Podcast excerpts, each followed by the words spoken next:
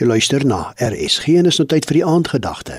Dit word vanaand aangebied deur Dominiek Besuidenhout, emeritus leraar van die NG Kerk woonagtig in Pretoria. Ek groet jou vanaand ook en nooi jou uit om saam met my 'n bietjie verder te dink oor die teenwoordigheid van God by ons. Dink so 'n bietjie, wat sal jy antwoord as iemand jou vra, "Waar is God? Waar vind 'n mens hom?" Miskien sal jy antwoord, "In die hemel." Of hy is oral. Ja, dis goed en wel, daardie antwoorde is reg. Maar Paulus sê daaroor iets wat 'n mens nogal tweemaal laat dink. In 1 Korintiërs 3 vers 16 en 17 skryf hy: Weet julle nie dat julle die tempel van God is en dat die Gees van God in julle woon nie? As iemand die tempel van God beskadig, sal God hom straf, want die tempel van God is heilig en die tempel is julle. Ons moet raak sien dat dit hier nie in die eerste plek oor ons as individuele gelowiges gaan nie, wanneer die Here sê ons is die tempel, hoewel dit ook waar is. Maar hier in hierdie verband gaan dit oor die gelowiges gesamentlik in die eerste plek as 'n groep mense. In die geval 'n gemeente, die gemeente in Korinte.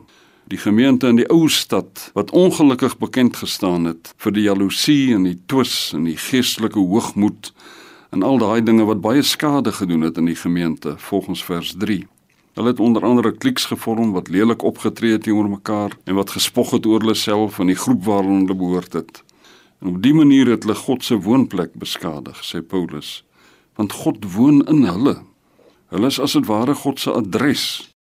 Dit moet vir die ander mense duidelik wees dat hulle 'n gemeente is wat 'n spesiale roeping het en dat God in hulle midde is.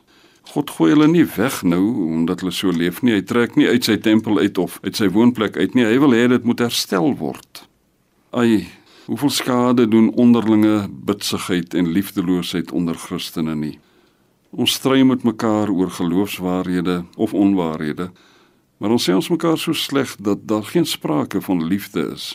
Die groot gebod van die Here. Dan lag ander mense vir ons en hulle spot met ons met reg oor ons sogenaamde geloof.